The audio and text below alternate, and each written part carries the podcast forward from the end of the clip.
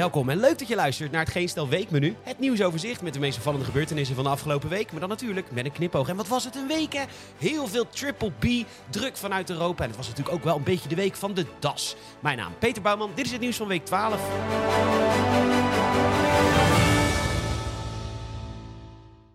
Maandag. Ja, hoera, lieve mensen. Het is lente en dat betekent dat de winterdiplekken opgeborgen kan worden en dat de depressies verleden tijd zijn. Het was natuurlijk al vanaf begin maart een meteorologische lente, maar nou die voorpret is nu echt lente. Heerlijk, heerlijk, heerlijk. En dan gaat de komende weekend ook de klok vooruit, zodat je nog meer kunt genieten van deze heerlijke lente. Zalig. Ik blijf dit toch zo fascinerend vinden van ons kleine koude kikkerlandje. Stel hè, je moet altijd binnen 10 minuten beschikbaar zijn. Je moet vaarbewijs 1 en vaarbewijs 2 hebben. Je moet ja, de ook daadwerkelijk kunnen varen. Je moet sleepverbindingen kunnen voorbereiden en aanleggen. Alle actuele EHBO-diploma's hebben. Je moet uh, om kunnen gaan met een navigatiesysteem. Een certificaat hebben om de marifoon te bedienen. En je moet kunnen zwemmen. Nou, zou je zeggen, als je dit allemaal kan, dan verdien je 2 ton per jaar. Nee, dit moet je dus allemaal kunnen om vrijwilliger te zijn bij de Koninklijke Nederlandse Reddingsmaatschappij. Een organisatie die in de Verenigde Staten deel uitmaakt van Defensie, wordt in Nederland grotendeels gerund door mensen als de 53-jarige Pieter Verstegen uit Zandvoort. Ja, fantastisch. Maar vind je het gek dat ze mensen zoeken? Misschien moet je iemand die meerdere certificaten, bewijs en praktijkervaring heeft, eens fatsoenlijk gaan betalen. Doen we niet, is traditie. Dus woon je in Zandvoort en kun je, ja, eigenlijk net zoveel als een raketgeleerde meld je snel aan. Wat zijn we toch een gelukkig volkje. We staan wederom op 5 in de wereldranglijst, samengesteld door wetenschappers in de VS. Er wordt dan gekeken naar hoe rijk een land is en er worden allemaal enquêtes afgenomen. Groningers en toeslagenouders uitgesloten van deelname. En ja, in deze enquête kon niet meer de vraag gesteld worden: How happy are you that the Farmer Citizen Movement is now the biggest party in the provinces? Anders hadden we zeker op plek 2 geëindigd. Ja, want van Finland win je het natuurlijk nooit. Het is een prachtig land. Iedereen heeft daar een sniper rifle thuis voor als, de Russen komen. Leraren mogen daar zelf het onderwijs bedenken. Altijd lekker donker en een eland op zijn tijd. Ach, van Finland weet je het nooit. Ik ga zingen tot die vol is. Ik popel echt van ongeduld. Ik ga zingen tot de kluis weer is gevuld. Een land gebukt onder regelgeving en totaal geen menselijke maat. Dat is natuurlijk de reden dat de BBB zo groot is geworden in de provincies. Klein voorbeeld bij Omroep Brabant. De komende week, lees, zeven dagen, rijden er geen treinen tussen Den Bosch en Eindhoven... omdat dassen een burcht onder het spoor hebben gegraven. Maar de das is een beschermd diersoort en dus kan ProRail er niks aan doen. Ja, welk ander land? Noem me één land. De Verenigde Staten, treinverkeer tussen New York en Newark, een week stil. Yes, sorry, there are some neckties under the tracks. So we cannot transport thousands of people from work to home every day. En dit probleem speelt dus ook in Friesland. Daar rijden tussen Worken en Stavoren al weken geen treinen. En dat gaat tot zeker eind april duren. En weet je waarom? Ja, ProRail is daar een kunstburcht aan het aanleggen... om op die manier de dassen te verleiden tot een verhuizing. Dus volwassen mensen zijn er dus nu met zand wat aan het namaken... wat ja, normaal dassen dan doen. Zodat de dassen misschien wel gaan denken... hey, wat is dat toch een leuke burcht, daar gaan we wonen. En ondertussen rijden er maandenlang geen treinen daar in Friesland. Serieus, noem me één land. Groot-Brittannië? The tubes will not ride because we've got some scarfs under the track.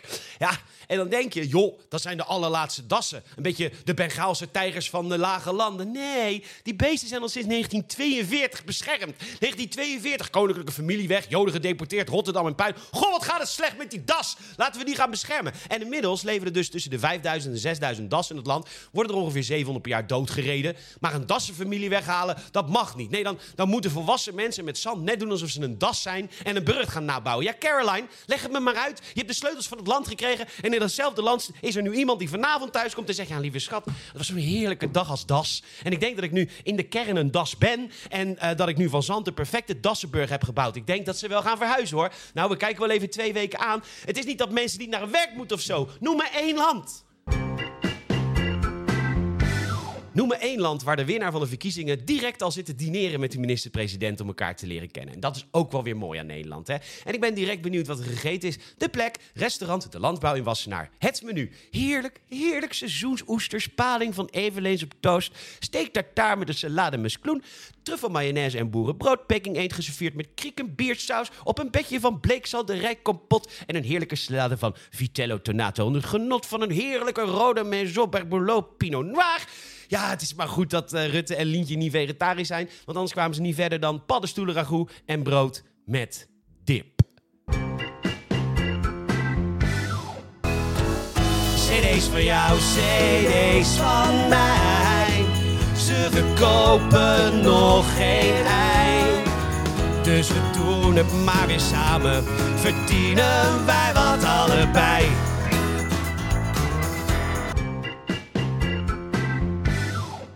Wunschach. Nederlanders hebben massaal een proteststem uitgebracht bij de BBB, waardoor die partij in één keer de grootste is in de provincies, geleid door een vrouw. Nou, progressief Nederland zou het van de daken moeten schreeuwen, maar nee, Caroline is een foute vrouw. Maar goed, hoe fout is ze nou eigenlijk? Bij de Nieuwsbv, zo'n heerlijk BNN-varenprogramma, is een cabaretière aan het woord die de democratie het liefst afschaft, want die BBB-stemmers zijn in feite te dom om te stemmen geweest. En zo gaat het natuurlijk altijd. Democratie is altijd een feest totdat er een referendum komt en de uitslag niet gewenst is. Referendum afgeschaft. En die BBB, ja, dat lijken dus best verstandige mensen zijn. Inmiddels zijn er twaalf uh, verkenners bekend die in de provincies moeten gaan zoeken naar meerderheden. En daarbij zijn gewoon ja, goede mensen gezocht partijoverstijgend. En, en, ja, en dat is nieuw. Geen NPO D66 baantje richting Amsterdam voor een portefeuille waar ze niks van wist. Maar ja, ze was nou eenmaal D66. Nee, gewoon kijken wie goed een functie kan vervullen. En zo krijg je een potpourri aan verkenners. In Zuid-Holland mag ex-VVD-staatssecretaris en buschauffeur Fred Teven het gaan proberen. In Gelderland mag iemand van de partij Harderwijk anders het doen.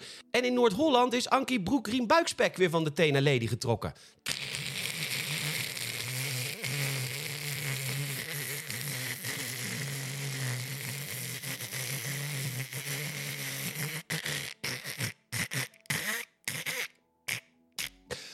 Doe het nou snel als een pleister, Ankie. Partijloze mensen, mensen van de concurrentie. Het lijkt allemaal heel verbindend. Ja, we hebben het er al vaker over gehad. De orka oh, en de panda. Wanneer is het de schuld van de mens dat een diersoort uitsterft? Nou, heel vaak wel, maar echt niet altijd. Dat de panda nog bestaat, mogen wonder eten. En met die orka heb ik ook altijd mijn twijfels gehad, hoor.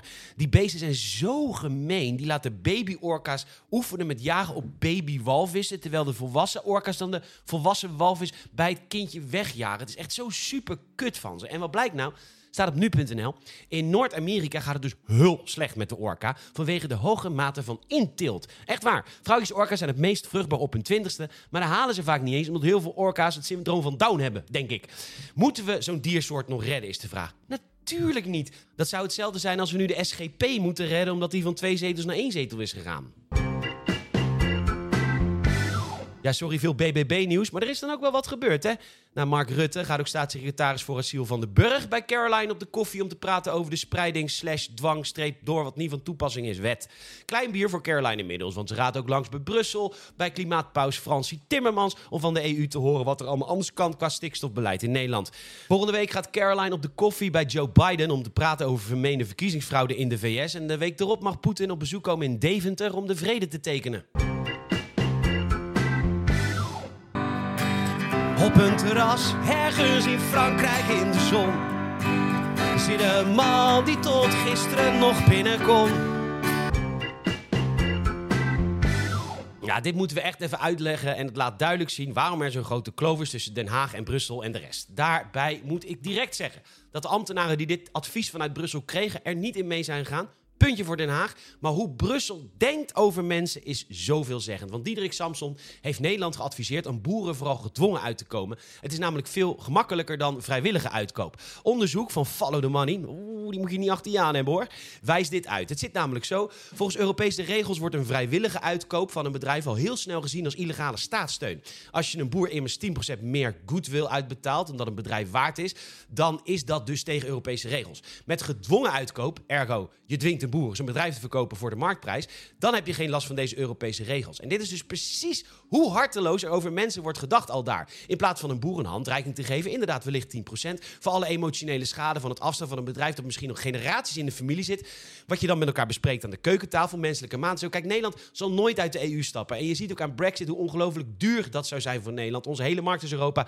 dus het levert ons bizar veel geld op. Maar dat je burgers zo in het gezicht wordt gespuugd, top-down van, vanuit Brussel, dat is niet minder dan walgelijk. In de stad Amsterdam waar we lekker gaan cashen. En maar cashen en cashen. En nog een keer cash cashen om het geluk. En de fans maar betalen als een hamburgerse hoer. Nou ja, concertkaarten werden massaal opgekocht. Voor een euro 40. Maar nu drie keer de waarde. En de fans maar betalen. Lozen zij dan hun beurs.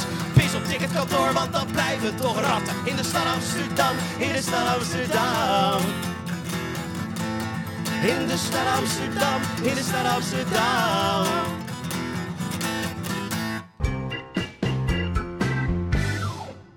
Een feest voor de democratie, een hogere opkomst voor de provinciale statenverkiezingen. Dus jaren en jaren. Ondertussen wordt bij Trouw hard op gefantaseerd om mensen hun stemrecht af te pakken. Ja, iedereen die ouder is dan 75 mag straks niet meer stemmen volgens, uh, volgens een columnist al daar. Want zij gaan de gevolgen van klimaatverandering niet meer meemaken. En jongeren wel. Nou, dat is lekker oplossingsgericht.